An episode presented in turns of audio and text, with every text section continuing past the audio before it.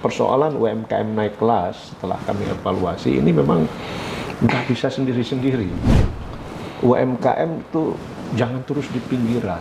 Bagaimana UMKM itu seperti di China, Korea, atau di Jepang. UMKM itu bagian daripada supply chain atau rantai pasok industri nasional. UMKM itu nggak hanya bikin keripik-keripikan begitu ya. Daerah-daerah di sentra industri itu proses digitalisasi yang segera akan eh, diberikan literasi dan bantuan apa saja kira-kira? Sekarang lebih murah, eh, barang mereka juga apa dekat dengan masyarakat, hanya dihubungkan dengan platform digital. Jadi nggak ada lagi isu pasar becek. Iya. Para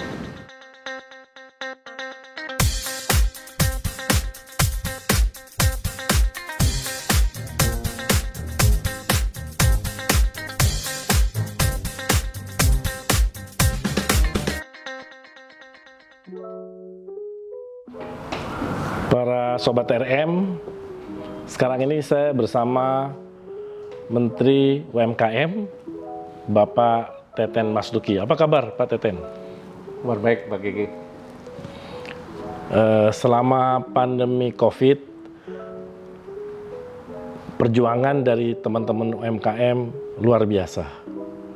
Dan dengan dukungan juga yang luar biasa dari Pak Teten Masduki bersama jajarannya, akhirnya UMKM berhasil melalui masa-masa sulit dan sekarang sudah uh, mulai pulih dan bangkit. Dan kita harapkan bisa bangkit lebih kuat. Apalagi Pak Menteri selama ini membantu dari uh, upaya mendigitalisasi UMKM sehingga sesuatunya bisa dilakukan lebih cepat dan hasil yang diperoleh juga lebih baik bukan hanya buat uh, orang per orang, tapi UMKM secara keseluruhan sinergi dengan dunia usaha swasta maupun BUMN. Jadi uh, perjuangan yang cukup berat ini berhasil dilalui kira-kira resepnya apa? Dan kedua, kerja keras teman-teman di kementerian ini tentu uh, bukan hanya seperti kerja keras biasa, tapi ini kerja keras yang luar biasa sehingga teman-teman UMKM bisa uh, pulih dan bangkit. Iya, memang di awal kita agak ditakut-takutin. Misalnya beberapa lembaga dunia udah menyebut bahwa akan 50% UMKM kita akan gulung tikar. Nah, jadi itu saya kira melecut eh, kami untuk menghadapi tantangan itu. Dan saya kira pemerintah juga kemudian mengambil keputusan yang cepat melakukan adjustment terhadap program dan anggaran. Sehingga saya kira yang paling penting waktu itu karena kita memahami bahwa ini ketika pandemi kemudian ada pembatasan kegiatan usaha, kegiatan perkantoran, kegiatan uh, apa uh, industri ini akan memukul dari dua sisi bagi UMKM, supply maupun demand. Nah, karena itu maka dirumuskan uh, untuk yang uh, mikro yang belum bankable waktu itu diberikan hibah ya modal kerja sekaligus sebenarnya untuk memperkuat daya beli masyarakat. Yang kedua, bagi yang sudah bankable, yang sudah mengakses pembiayaan perbankan, diberikan program restrukturisasi pinjaman, termasuk subsidi bunganya, uh, lalu disediakan kredit murah bahkan sampai 0%. Hari ini masih 3% karena pemerintah mensubsidi cukup banyak. Termasuk juga pembebasan pajak, ya subsidi listrik dan lain sebagainya. Nah, semua itu yang kemudian Eh, kemudian kami uh, pahami itu tepat sekali untuk UMKM bisa bertahan di tengah pandemi. Ya. Tetapi di sisi lain juga memang UMKM kita juga luar biasa, ya luar biasa karena mereka juga punya kemampuan uh, untuk beradaptasi dan inovasi produk disesuaikan dengan market uh, baru ya misalnya adaptasi dari offline ke online. Dan bahkan kemudian menjadi pertumbuhan menjadi 130% lebih. Karena dulu dari 8 juta UMKM yang terhubung di online ini selama pandemi udah naik 19,5 juta sekarang gitu. Nah begitu juga mereka juga melakukan inovasi inovasi produk ya yang uh, membuat produk-produk siap saji misalnya frozen food berubah beralih ke misalnya bikin skincare, bikin hand sanitizer, oh, apa masker dan lain sebagainya. Jadi memang UMKM-nya sendiri oh, luar luar biasa. Dan yang saya kira selain di kementerian koordinasi dengan BUMN juga saya kira sangat bagus juga dengan teman-teman e-commerce ya teman-teman e-commerce juga uh, banyak uh, bekerjasama dengan kita langsung melakukan pendampingan-pendampingan bagi UMKM kita untuk uh, go online, mengkurasi produk, mem mem bahkan apa membantu pemotretan produknya, membantu marketing uh, strateginya di di online gitu. Itu juga saya luar biasa. Jadi ini kolaborasi yang menurut saya uh, sangat bagus ya dan itu uh, membuat semua berjalan dengan mudah. Ya. Kalau pembinaan terhadap sentra-sentra UMKM, apakah polanya tetap sama dari sebelum pandemi, sekarang pandemi dan sekarang ini di mana pandemi sudah mulai melandai dan kita harapkan tahun depan akhir tahun depan, pertengahan tahun depan atau akhir tahun depan sudah kita bisa memasuki masa endemi. Ada harapan seperti itu. Tentu pembinaan eh, terhadap UMKM ini eh, harus mungkin ke depan mungkin harus lebih eh, in, intensif lagi. Ya, malah kami berpikir begini Pak Kiki. Uh, UMKM pasca pandemi bukan hanya pulih, tapi juga memang harus bertransformasi. Uh, saya selama ini sering mengatakan UMKM kita itu sebagai backbone ekonomi misalnya sekarang kontribusi terhadap PDB juga kan udah hampir 60 persen. Yeah. Tapi yang paling dasar itu menyediakan lapangan kerja itu 97 persen itu UMKM. Yang besar-besar itu termasuk BUMN, pemerintah, itu kan hanya tiga persen. Nah, tapi selama ini UMKM kita ini selalu dipandang hanya sebagai ekonomi subsisten, hmm. ekonomi rumah tangga. Dari semua pembiayaan juga hanya untuk modal kerja. Jadi untuk pengembangan usaha, mereka butuh modal investasi, itu belum ada skemanya. Jadi skema itu masih mikro-mikro. Nah, karena itu maka eh, Pak Presiden sudah eh, memberikan arahan ya untuk tidak lagi menjadikan UMKM ini sebagai ekonomi subsisten, tapi sebagai backbone atau tulang punggung perekonomian. Jadi beliau misalnya sudah membuat keputusan agar 30 persen eh, kredit perbankan itu harus untuk UMKM. Saat ini baru 20. Ya, yang eh, paling bagus itu kan Korea Selatan, 81 persen kredit perbankan itu untuk UMKM. Terus ini juga sekarang sudah sudah menjadi satu uh, regulasi 40% belanja pemerintah itu harus membeli produk UMKM. Nah, saya kira yang, yang ketiga kan kemudahan-kemudahan perizinan. Ini kan sekarang juga oh, di, di, di, di, dipermudah lah, mulai dari izin usaha, bisa PT, bisa ini, cukup hanya ini B, bisa koperasi, nah, supaya nanti mereka tidak lagi informal ya untuk dapat izin edar, sertifikasi halal, akses ke perbankan. Menurut saya ekosistem ini yang uh, saat ini ingin kami pasca pandemi ini kita ingin implementasikan. Nah, tapi memang kemudian uh, persoalan UMKM naik kelas setelah kami evaluasi ini memang nggak bisa sendiri-sendiri ya. Nah, karena itu memang ini harus kita konsolidasi. Karena itu misalnya kami di sektor pangan, di sektor UMKM di pertanian, misalnya kan rata-rata petani-petani kecil per orang misalnya. Sampai kapan pun kita nggak bisa menghasilkan produk pangan kita yang lebih produktif, lebih efisien, lebih berkualitas seperti corporate farming di negara-negara maju. Tapi bukan berarti tidak bisa bikin corporate farming. Kita ternyata bisa. Kita udah mulai bikin pola, bikin bisnis model bagaimana mengkonsolidasi petani-petani kecil perorangan dalam bentuk koperasi dalam skala ekonomi terhubung ke optaker ya terhubung ke market sehingga pembiayaan bagi petani-petani kecil itu yang dulu tidak dilirik oleh bank karena potensial NPL-nya tinggi sekarang bisa. Nah ini saya kira modeling yang uh, menurut saya uh, bagus untuk kita bicara bagaimana UMKM naik kelas dan itu bisa juga untuk misalnya uh, apa membuat klaster-klaster lain korporatisasi UMKM misalnya untuk uh, uh, kerajinan para para pengrajin ya jadi tidak atau para pedagang dan lain sebagainya.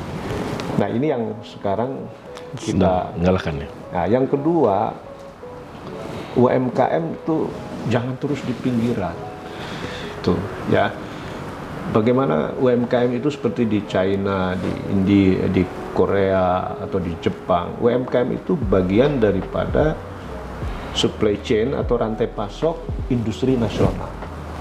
Nah, sehingga kalau kita masuk ke pasar global itu ya dengan sendirinya gitu. Nah, sehingga UMKM dengan yang besar tidak kompet tapi terintegrasi. Nah, kita artinya ke sudah harus mulai menyiapkan UMKM kita bagian daripada industri gitu ya.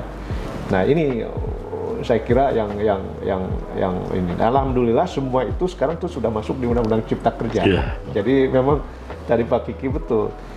Ya, dunia melihat uh, setiap krisis Indonesia mengambil langkah-langkah besar, melakukan reform yang sangat besar. Luar biasa. Makanya di di Undang-Undang Cipta Kerja kan uh, yang paling dasar itu justru perubahan cara pandang pemerintah ya terhadap UMKM. Jadi kerjasama tadi usaha kecil di sektor pertanian mungkin dengan BUMN pangan dalam hal ini ID Food ya. itu bisa terjadi terjalin dengan erat, maka dia dapat saprodi dengan baik, ya. kualitas baik, ya. harga terjamin ada off taker, maka dia akan jadi besar ya. Pembiayaan masuk. Pembiayaan masuk. Nah dengan begitu UMKM-nya mulai lagi uh, masuk ke produk-produk yang uh, apa uh, berbasis teknologi ya. gitu jadi dan mudah-mudahan bisa sedikit naik kelas ya. secara gradual naik kelas lah naik kelas kualitas produksi juga udah mulai masuk ke yang inovasi teknologi yang berbasis kreativitas gitu dan produknya nanti kalau untuk satu produk produk pertanian ya lebih berkualitas lah. Kalau dengan tadi kalau sendiri-sendiri kan susah untuk bisa homogen misalnya dalam sisi iya. kualitas tertentu kan.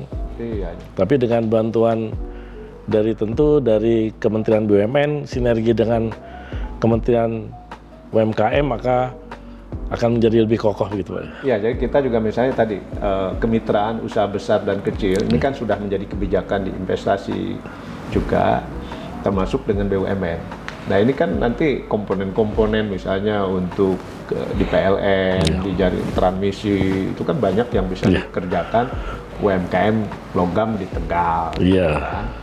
Nah, sehingga produk UMKM itu eh, sama-sama tumbuh Benar. dan mulai uh, apa uh, ada transfer pengetahuan, transfer teknologi UMKM. UMKM itu nggak hanya bikin terus keripik-keripikan begitu ya, uh, tapi sudah mulai masuk dengan program-program yang berbasis uh, apa uh, teknologi atau inovasi.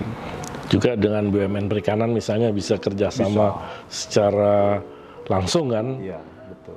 Baik dari sisi mulai dari sisi hulu sampai ke marketing ya? Ya sekarang misalnya koperasi sudah bisa lagi mengelola uh, tempat pelelangan ikan. Ya, ya sehingga nanti uh, koperasi misalnya nelayan tangkapnya dengan uh, tempat pelelangannya uh, itu kan bisa satu sehingga apa uh, kesejahteraan taninya.